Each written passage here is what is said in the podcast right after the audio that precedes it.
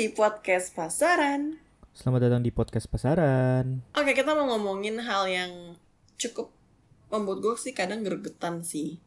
Eh, ini aware gak sih sama cancel culture? Mm-mm. Gimana gimana? Maksudnya apa yang membuat kamu em, tertarik ngomongin hal tersebut?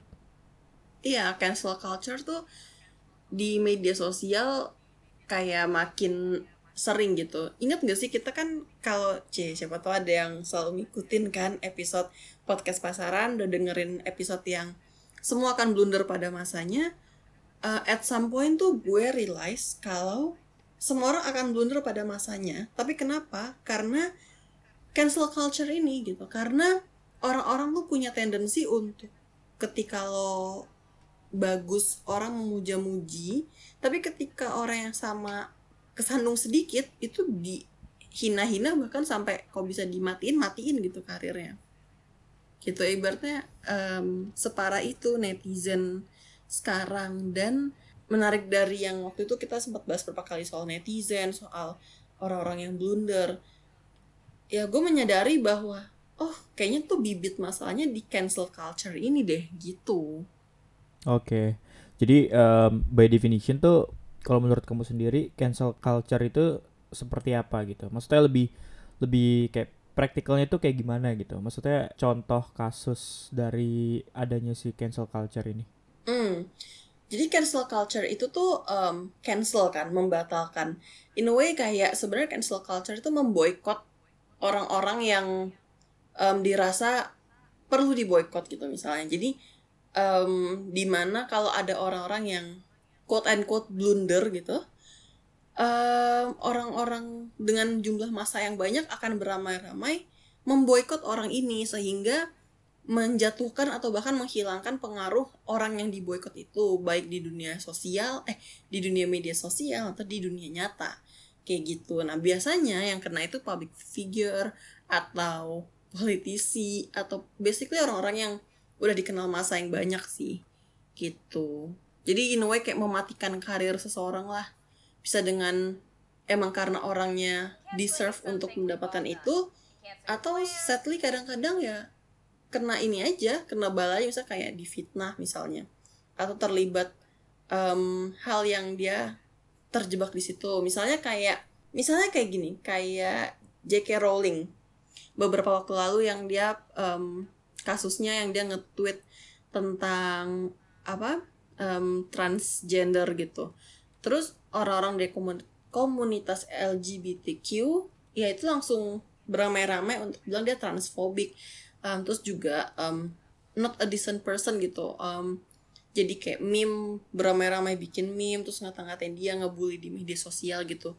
Orang yang sangat-sangat punya nama besar dengan karya-karya Harry Potternya dengan karya-karya filmnya.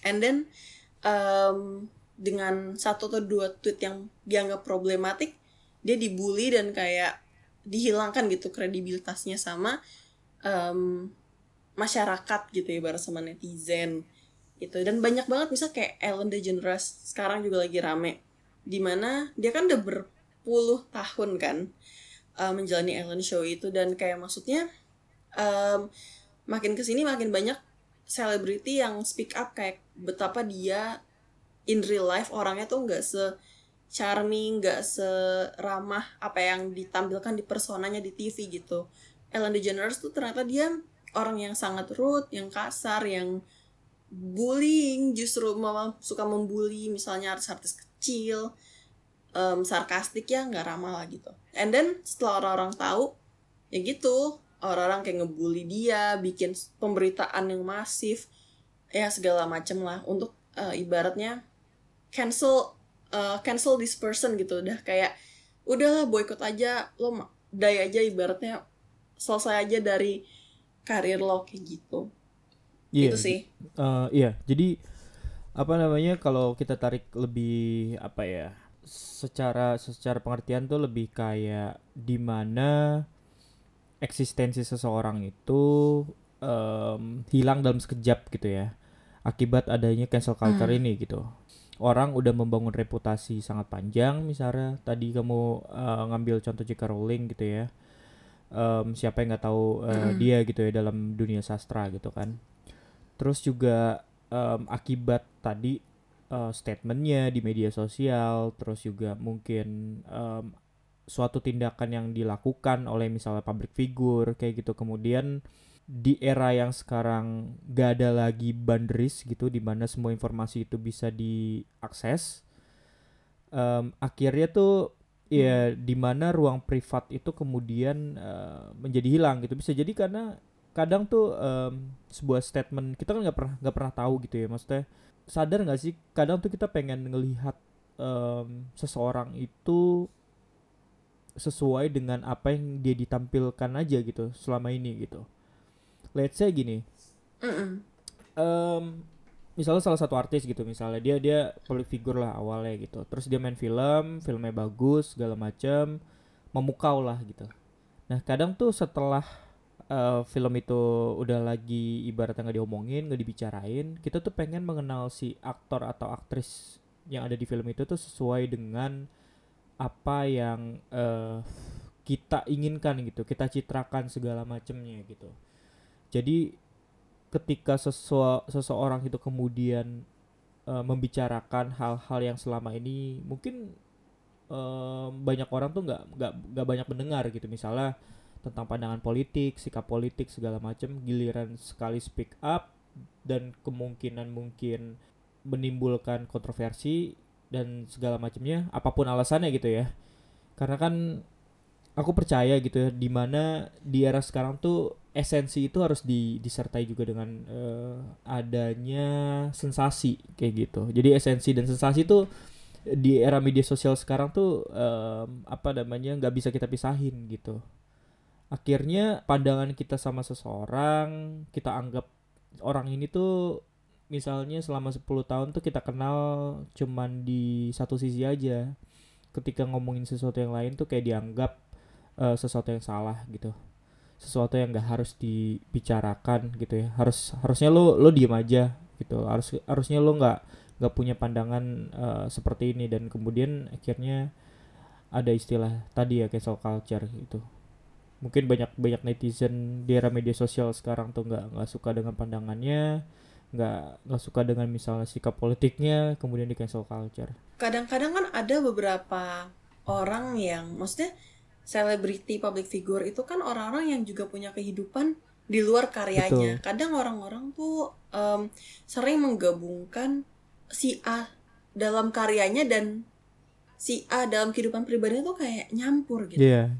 misalnya kayak mm, intinya tuh kayak kita kita kayak orang uh, orang-orang ini tuh pengen uh, mengharapkan di mana kayak let's say gini uh, aku sering dengar banget beberapa omongan gitu. Let's say kayak ke komedian aja. Komedian dia melucu itu ya di di panggung aja di pentas gitu. Ketika dia turun panggung nggak kemudian lo tiba-tiba eh uh, ngelucu dong. Lo kan um, apa namanya lo kan komedian biasanya ngelucu segala macam gitu. Jadi pandangan-pandangan itu hmm. yang yang uh, menurut aku salah satu hal yang kemudian kayak apa yang dicitrakan di media kan ya udah gitu untuk kebutuhan kebutuhan industri ya kan kebutuhan entertainment gitu. Kadang uh, banyak orang juga memaksakan pandangan-pandangan maksudnya apa yang mereka lihat di media itu pengen kayak 100% tuh plek-plekan ada di kehidupan nyata juga gitu. Padahal ya capek juga kan. Benar. Hmm. Bahkan selebriti um, yang berusaha melakukan seperti itu misalnya um, beberapa selebriti tanah air yang mencoba untuk bikin reality show so called re reality show yang apa namanya menunjukkan kehidupan mereka sehari-hari gue berani taruhan bahwa bukan itu gitu kehidupan sehari-harinya. Gitu. Betul. ketika selebriti berusaha untuk tampak realistik aja harusnya orang-orang yang sudah lebih aware dalam dunia media gitu atau bahkan maksudnya orang-orang yang lebih peka lah untuk membedakan antara selebriti dan juga kehidupannya.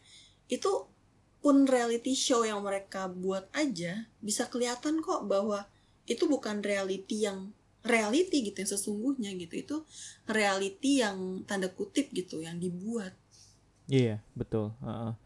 jadi uh, menurut aku juga memang ini ya di zaman sekarang tuh untuk untuk bersikap jujur tuh susah gitu ya bersikap jujur dalam artian gini uh, ketika lo menjadi public figure um, mungkin selama ini dicitrakan oleh media gitu ya apa yang ditampilkan di media itu lo menjadi sosok yang berkelas gitu ya lo sosok yang glamour anggapan orang tuh kayak untouchable dan segala macam tapi ketika misalnya orang-orang ini melihat sisi lain dari si sosok ini tuh kayak menganggap dia uh, bukan orang yang kenal gitu ngerti gak sih kayaknya tuh harusnya tuh lu um, mm. harusnya lu berpakaian gitu ya atau berperilaku tuh sesuai dengan apa yang ditampilkan media harusnya lu tuh nggak kayak gini gitu ngerti gak sih itu dan kemudian akhirnya itu kali yang menyebabkan banyak juga kita udah pernah udah sering inilah sering apa namanya sering tahu gitu banyak banyak public figure atau artis yang mereka uh, bunuh diri gara-gara tuntutan industri kayak gitu di mana dia nggak punya space Betul. lagi nggak ada nggak ada ruang lagi untuk menjadi manusia gitu. Di mana kayak iya di mana kayak dia berusaha jujur dengan dirinya sendiri segala macamnya kayak gitu sih. Karena ternyata setelah melihat kehidupan selebriti ya maksudnya ternyata privacy adalah sebuah kemewahan gitu. Betul betul. Imagine uh -uh, kayak imagine jadi Rafathar. Kan akhir-akhirnya juga viral ya kalau hmm. yang ngikutin media sosial gitu. Kayak Rafathar tuh di umurnya yang sangat muda yang masih umur lima tahun something ya aku juga nggak terlalu aware sih. Tapi dia masih kecil banget dia sampai tantrum gitu sampai kayak bener-bener marah kayak in a way dia kayak ngomong kayak mah stop ngeprank aku gitu. Dengan emosi yang sangat sangat tidak terbendung. Maksudnya kayak um, dan dia bilang di salah satu video yang aku tonton kayak kalau AA kan dia manggil dirinya AA kan. Kalau AA ulang tahun gak mau ada kamera gak mau ada video gak mau diupload ke sosmed gak mau ada prank. Seorang anak kecil gitu. Karena udah ngerasa hidupnya terlalu kayak jadi apa ya kayak jadi konten terus jadi ya dibecandain terus. Mungkin selama ini um, dia ngerasa bahwa gimana ya kadang kan orang ada yang mempertanyakan eksistensi diri di usia-usia kayak quarter life crisis kayak 25 tahun 20-an something kayak duh gue ini apa ya? Mungkin Rafathar malah jadi quarter life crisis dini gitu. Dari kecil banget udah kayak duh gue tuh apa sih kok kayak gini gitu? Kehidupan gue kok kayaknya beda sama teman-teman gue sepantaran gitu. Itu walaupun nggak nggak spesifik ngomong soal cancel culture tapi um, menjadi public figure tuh memang dua mata sisi sih. Kayak lo dapet rezeki yang wow emang gede banget rewardnya. Tapi se sepantar juga sama sacrifice atau pengorbanan yang lo harus bayar gitu. Kayak privacy lo kehidupan pribadi lo dan cancel cancellation yang tiba-tiba bisa terjadi sama hidup lo gitu. Lo nggak pernah tahu kayak one day lo merasa kayak lo baik-baik aja gitu di pekerjaan lo di mata orang. And then tiba-tiba orang-orang yang iseng gitu nggak nyari aja gitu tweet lama lo. Misal kayak Ardito waktu itu dicari tweetnya yang 10 tahun lalu oh, iya, terus betul. ketemu tweet dia yang uh, uh, yang ngata-ngatain. In a way kayak rasis lah gitu ngata-ngatain orang waktu dia lagi tinggal di apa Australia dulu. Itu kan kayak dia umur 14 something yang dia juga nggak ngeh gitu. Suatu saat orang bakal mempermasalahkan itu. And then di cancel aja tiba-tiba kayak boykot Ardito gitu. Tanpa udah ngelihat dia punya lagu apa prestasi apa ya things like that lah. Hmm. um, sekarang kan tadi kamu sempat nyinggung Rafathar tiba-tiba kalian semua tuh lagi di prank juga sama Rafathar ternyata dia emang itu di Ternyata itu part of content. Iya, part of content ternyata. Bangke. gue gue tuh kemarin sempat ini apa namanya gue tahu banget itu pas lagi kalau nggak salah malam-malam atau pagi gitu kan uh, sempet cek uh, trending di Twitter terus kenapa Rafathar nomor satu gitu terus gue liat videonya yang cuplikan itu kan. Terus uh, aku juga pernah juga nonton videonya yang lain gitu deh yang dia ngomong gak mau di prank apa segala macemnya kayak gitu. Terus respon gue tuh cuman ya gue ketawa-tawa aja sih jajan ini juga bagian dari industri juga gitu. Tapi tuh F up sih kayak screw up banget kalau itu sampai benar-benar part of content iya, karena makanya. gue ngelihat kayak nggak tahu ya gue ngelihat amarah dari seorang Rafathar tuh real real banget bukan kayak gimmick gitu. Yeah. kayak benar-benar di titik kayak mom stop filming stop filming me gitu. Ibarat kayak mah kayak bisa nggak lo bikin hidup gue tenang? Udah sampai di titik itu gitu. Ada satu bagian yang kau mungkin kamu juga nonton yang dia nanya "Eh, Aa eh, si Gigi nanyakan Aa suka sama Gempi nggak? In a way kayak gitu lah. Terus Rafathar langsung refleks kayak ngeliat ibunya terus langsung megang Gigi pakai dua tangan gitu muka kayak gue nggak nyangka anak umur segitu tuh bisa kayak punya gestur kayak gitu. Maksudnya kayak di titik annoying eh annoyed banget gitu loh. Gimana sih ada orang kayak udah kesel banget kayak bisa megang muka lo kayak bisa diem gak kayak gitu. Iya. itu tuh dan itu dilakukan sama anak ke ibu dan ibunya masih ketawa-tawa. Kalau gue sih sebagai wanita dan insya Allah akan menjadi ibu suatu saat nanti tuh bagi gue tuh concerning sih. Kayak kayak anak lo udah mulai nggak suka sama lo udah mulai piss off sama lo you have to be careful gitu. Tapi dia masih ketawa-tawa masih kayak di kamera tuh guys nanti kita ini ya kayak apa namanya bikin prank gini terus kayak Rafathar denger kan terus dia kayak nangis gitu. Terus gue jadi kayak oh, wow ini enggak banget sih. Maksudnya mereka kaya raya sure kayak Gigi dan Raffi tapi kayak in term of parenting walaupun gue nggak bisa ngejudge karena gue bukan parents tapi kayak menurut gue concerning sih Hmm. Ya gimana gak lelah gitu kan. Dalam satu hari mereka bisa ngeluarin eh, 3 sampai 5 video gitu. Setiap harinya di YouTube gitu. Bisa bayangin ketika baru bangun pun atau masih tidur pun juga udah ada sorotan kamera gitu.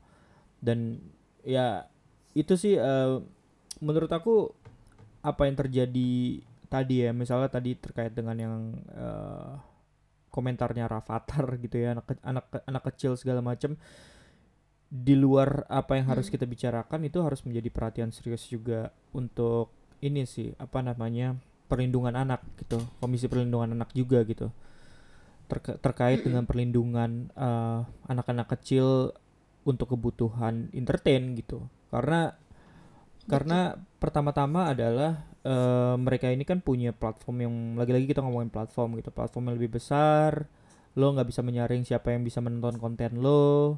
Terus juga setahu aku juga mereka tuh em, artis-artis ini juga punya nggak cuman punya satu atau dua channel YouTube gitu kan.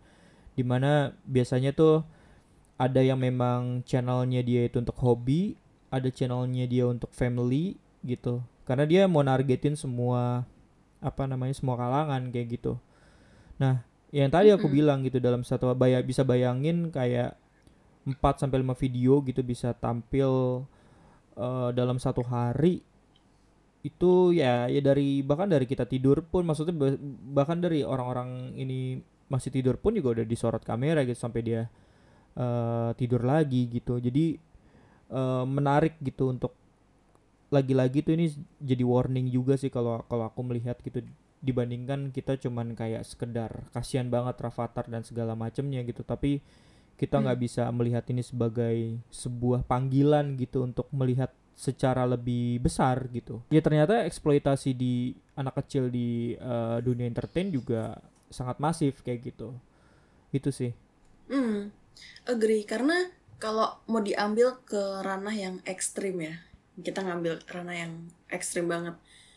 Mereka kan dari kecil udah biasa disorot gerak-geriknya, lokasinya, di mana mereka, misalnya bahkan sampai ekstrim, misalnya mereka sekolah di mana segala macem. Seberapa seberapa sering sih orang tuanya mantau mereka kondisinya di mana? Ini masih karena masih balita, masih sering lah orang tuanya nemenin misalnya kayak Rafathar, kayak Gempi atau anak-anak artis lainnya. Tapi kalau udah mulai eh, SMP misalnya, SMA, di mana mereka udah dilepas sama orang tuanya pergi-pergi. Tapi kan orang-orang udah tahu nih, ibaratnya mereka anak artis yang ibaratnya kayak raya, even udah meme meme umum lah di Indonesia kayak apa enak banget jadi Rafathar, kayak raya gitu-gitu.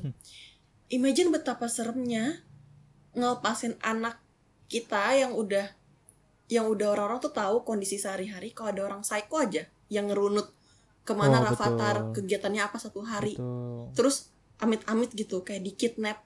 Karena tahu dong pasti tebusannya dan kayak berapa wordnya. Maksudnya sampai ke titik ekstrim kayak gitu. Maksudnya itu hal yang nggak Iya, ngerti ya iya. kenapa ya? Kayak Mm-mm. artis tuh nggak kepikiran sampai sana. Anak-anaknya emang lucu sih gitu. Anak-anak mereka emang lucu tapi di titik apa gitu? Safety-nya kan mereka kan hidup berjalan terus.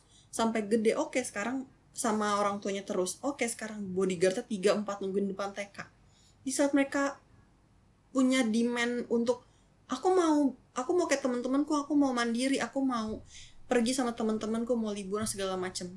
Di titik apa orang tuanya bisa ngelindungin terus kan? Dan orang-orang di zaman sekarang kita tahu kan udah kayak apa gitu udah udah aneh-aneh lah gitu ngerinya. Itu sih aku kayak tingkat ekstrem yang aku pikir untuk fenomena anak artis dan kelonggaran privasinya tuh aku udah mikir sampai titik itu seserem itu sih Iya. Dulu tuh juga sempet aku baca em, artikel gitu ya di mana kayak terkait dengan anak nih ya. Lagi-lagi paling nanti habis itu kita balik lagi ke ngomongin ke cancel culture-nya lagi gitu. Tapi cancel culture yes eh, soalnya soalnya menarik gitu untuk bisa dielaborate gitu. Kayak misalnya sekarang kan anak-anak sekolah tuh ini ya apa namanya punya jadwal yang cukup ketat gitu ya. Maksudnya bahkan dari umur tiga tahun mungkin ya sampai umur ya di usia-usia yang seharusnya mereka bermain dan segala macam mereka harus mengenal istilah belajar sampai misalnya siang banget atau bahkan sore gitu. Terus juga misalnya ada tuntutan Hmm. di mana lo harus bisa bahasa Inggris atau apa segala macamnya gitu. Nah, dulu tuh ada ada artikel di mana kayak seberapa urgent sih anak kecil gitu ya harus di dijejelin dengan les, dijejelin dengan em, segala macamnya di usianya yang masih belia selain buat sirkus orang tuanya gitu. Dan dan Hmm. ini juga yang menjadi makanya ngomongin Avatar, Avatar tuh kayak itu kayak recalling lagi gitu eh, memori yang pernah aku em, terima gitu di mana kayak sekarang ya buat apa gitu? Anak tuh cuman jadi em, tontonan atau menjadi konsumsi banyak banyak masyarakat segala macem gitu ya. Kita pengen nunjukin kalau anak itu bisa dance bisa nyanyi segala macem. Selain buat kebutuhan konten menjadikan dia seperti kayak sirkus gitu. Hmm. jadi em, kita tuh udah nggak lagi melihat itu sejarah eh dia tuh manusia gitu. Di mana kayak santai gak sih? Bisa santai gak sih gitu?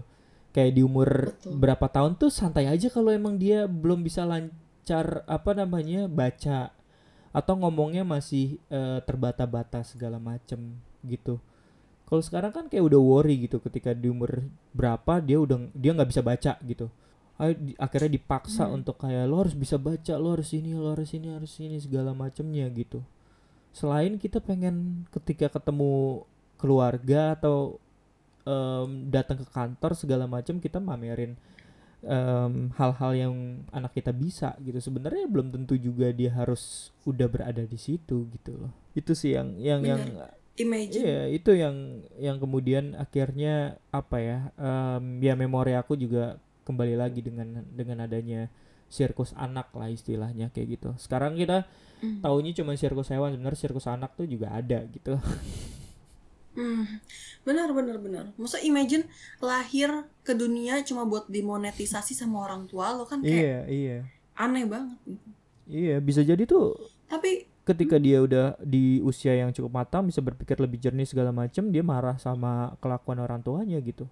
Karena nggak terima oh itu bisa. karena nggak terima dengan eh, dia mengenal istilah macam-macam lah ya istilah privasi istilah apa segala macam gitu hal-hal itu yang kemudian akhirnya memungkinkan banget untuk terjadi gitu ketika melihat kayak ih ngapain nih di umur segini gue udah jadi konten udah jadi eh, apa namanya bahan-bahan segala macamnya gitu ya or even bahan-bahan Hmm. kontroversi segala macamnya gitu terkait dengan prank-prank anak kecil Benar, segala benar. macam kayak gitu sih Benar. Karena perlu diingat anak kecil tuh nggak bisa ngasih konsen loh. iya iya betul Maksudnya, ah ya kan? Mm-mm. Dia nggak dia nggak pernah punya konsen untuk memberikan, iya ma apa, aku nggak apa-apa di dipublikasikan. Never itu nggak pernah. iya cuman Jadi yang- ketika di umur Mm-mm, tertentu harus. di umur tertentu ya lo jangan kaget kalau misalnya anak lo kemudian marah sama lo gitu karena merasa em, Hmm. ya ya lagi-lagi itu ada orang yang memang dia mengerti gitu kalau kalau si anak tuh eh, belum punya concern dia belum punya apa segala macam akhirnya em, kita nggak pernah tahu juga gitu kehidupan kehidupan anaknya tuh seperti apa. Tuh ada artis-artis yang kayak gitu dan gue respect banget dengan hal itu kayak gitu sih. Ketika Mhm. dia pengen banget ngejaga kerahasiaan anaknya segala macem kayak gitu. Karena tahu di luar sana tuh lo nggak pernah nggak pernah tahu gitu kapan lo kemudian ditabrak kapan lo kemudian diculik kapan lo kemudian dibunuh gitu Mhm. mengerikan Agree. Nah, sekarang kita balik lagi sedikit ke cancel culture karena itu kalau apa namanya? Sebenarnya tuh di otak karena bahas Rafathar tuh jadi ada beberapa hal yang pengen diobrolin tapi itu bisa di jadi satu episode sendiri gitu di kemudian hari. Tapi kalau balik lagi nih ke cancel culture juga tadi kamu sempat mention kayak ada orang, maksudnya kayak Rafathar gitu atau anak-anak artis yang misalnya di shoot dari dari tidur sampai bangun sampai segala macam kegiatan tidur lagi. Itu ada satu reality show yang aku ikutin kan? Hmm. Em, kamu tahu yang aku suka cerita itu namanya Terrace House. Sekarang aku udah berhenti nonton itu. Jadi awal tuh itu menarik itu em, reality show dari Jepang tapi bisa ditonton di Netflix itu ada beberapa season kan. Intinya tuh cuma kayak tiga cewek dan tiga cowok random stranger gitu nggak saling kenal. Mereka tinggal di satu rumah yang super bagus gitu. Ya udah kegiatannya kayak di shoot aja dari tidur sampai bangun segala macam aku jujur nontonnya tuh yang kayak season awal-awal kayak masih ya masa cuma kayak mereka saling cinlok berantem berantem ala rumahan gitu gitu tapi em, apa namanya salah satu season itu dan sedihnya adalah season terakhir. Di salah satu season terakhir ini ada seorang em, apa bintang reality show-nya yang di situ namanya Hana Kimura. Itu dia em, wrestlers wrestlers tuh- wrestlers but aku tuh kalau ketemu L sama R susah. Dia tuh apa sih kalau di Indonesia inti? Pegulat pegulat bahasa Indonesia pegulat. Hmm, dia tuh kayak pegulat. Dia itu pegulat kan. Hmm, terus dia tapi dia kayak karakternya tuh kayak cheerful segala macam nah di season itu em, dia kayak ceritanya kayak deket sama cowok tapi kayak kan temenan doang gitu semuanya. Terus tiba-tiba ada satu masalah di mana baju gulat baju gulat gitu? Ya pokoknya baju yang dia pakai harusnya pakai buat gulat itu nggak sengaja rusak sama temen rumahnya yang cowok ini. Terus mereka berantem gitu yang si Hana tuh kayak em, apa mojokin banget si cowok inilah sampai kayak em, bukan mukul sih tapi kayak ngeplak topinya si cowok ini sampai jatuh kayak gitu. Terus pokoknya tuh langsung viral banget di media sosial kayak ah lebay banget sih si Hana gitu sampai kayak eh mati aja lo kan kayak orang Jepang Korea Indo- Indonesia itu kan rata-rata kalau ngebully di sosmed kayak gitu kan kayak ah udah lo kayak gak jelas lo gitu gitu nggak mati aja gitu gitu dan dia beneran suicide dong. Hmm. akhirnya dia bunuh diri karena dia bilang di postingan terakhir di Instagram dia bilang dia udah gak kuat lagi dan dia minta maaf sama ibunya. Gitu karena kayak dia udah em, nggak sanggup lagi lah menjalani ibaratnya kayak dibully segala macam. Terus yang paling sedihnya adalah yang Oh dia iya, jadi iya, gue bener, udah bener, bener. nonton Terrace iya House. Benar yang dia dia bunuh diri kan?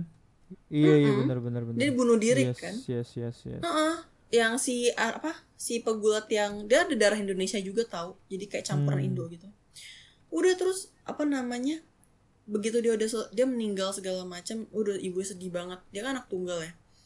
Terus nggak lama tuh akhirnya orang-orang yang di sekitar eh orang-orang yang kru kru teras house dan juga kayak teman-teman yang di acara itu tuh speak out gitu.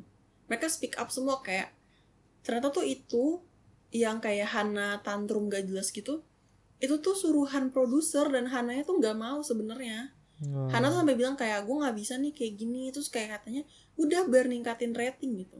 Itu gue kecewa Hmm. banget sih. Itu tuh sebenarnya konsepnya adalah nggak scripted. Jadi tuh di mana kayak nggak ada skrip lo kayak hidup aja di situ mau lo ngapain.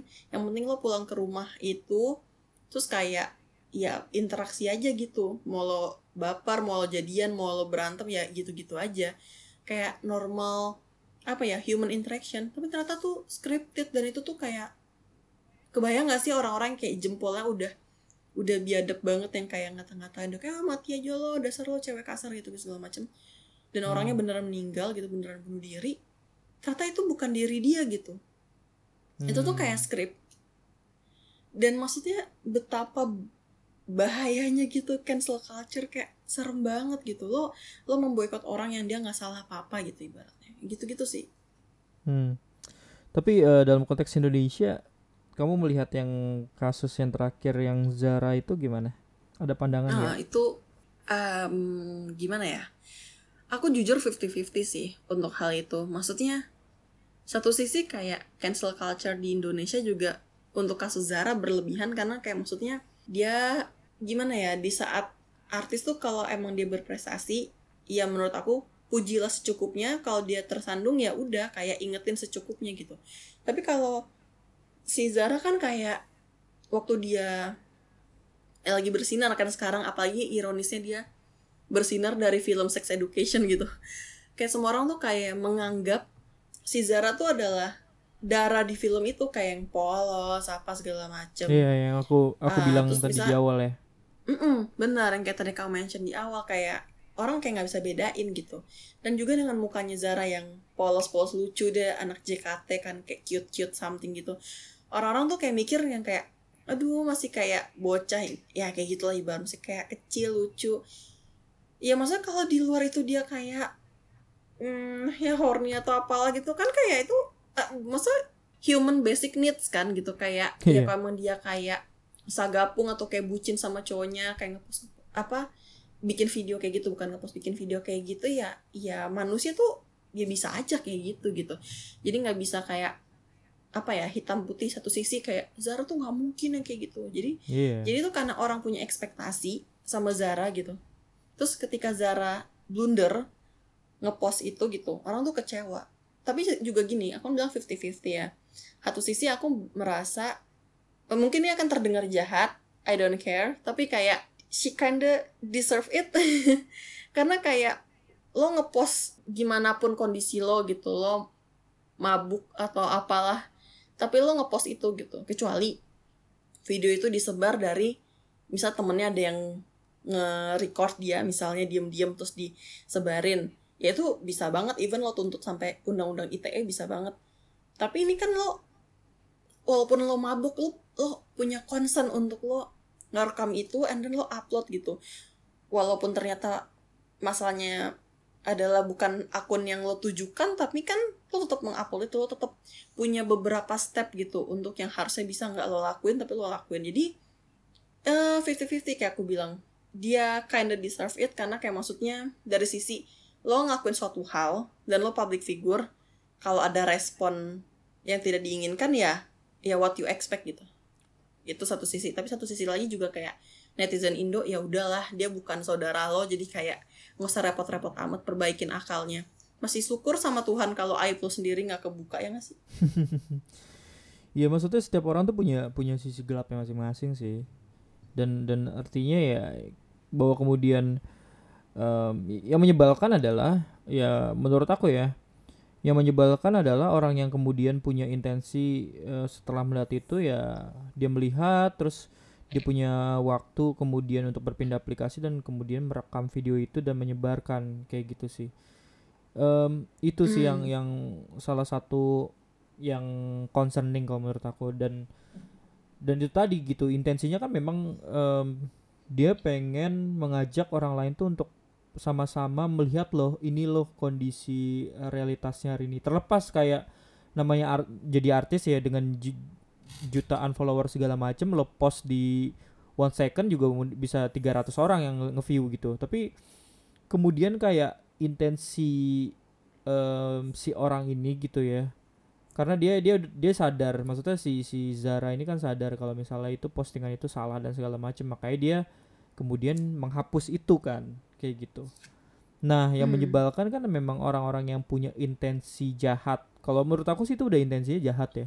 Gak bisa kayak intensinya memang hmm. untuk nih gue pengen nge-share aja, pengen berbagi A apa gitu, berbagi apa gitu dari hal-hal yang kayak gitu gitu loh.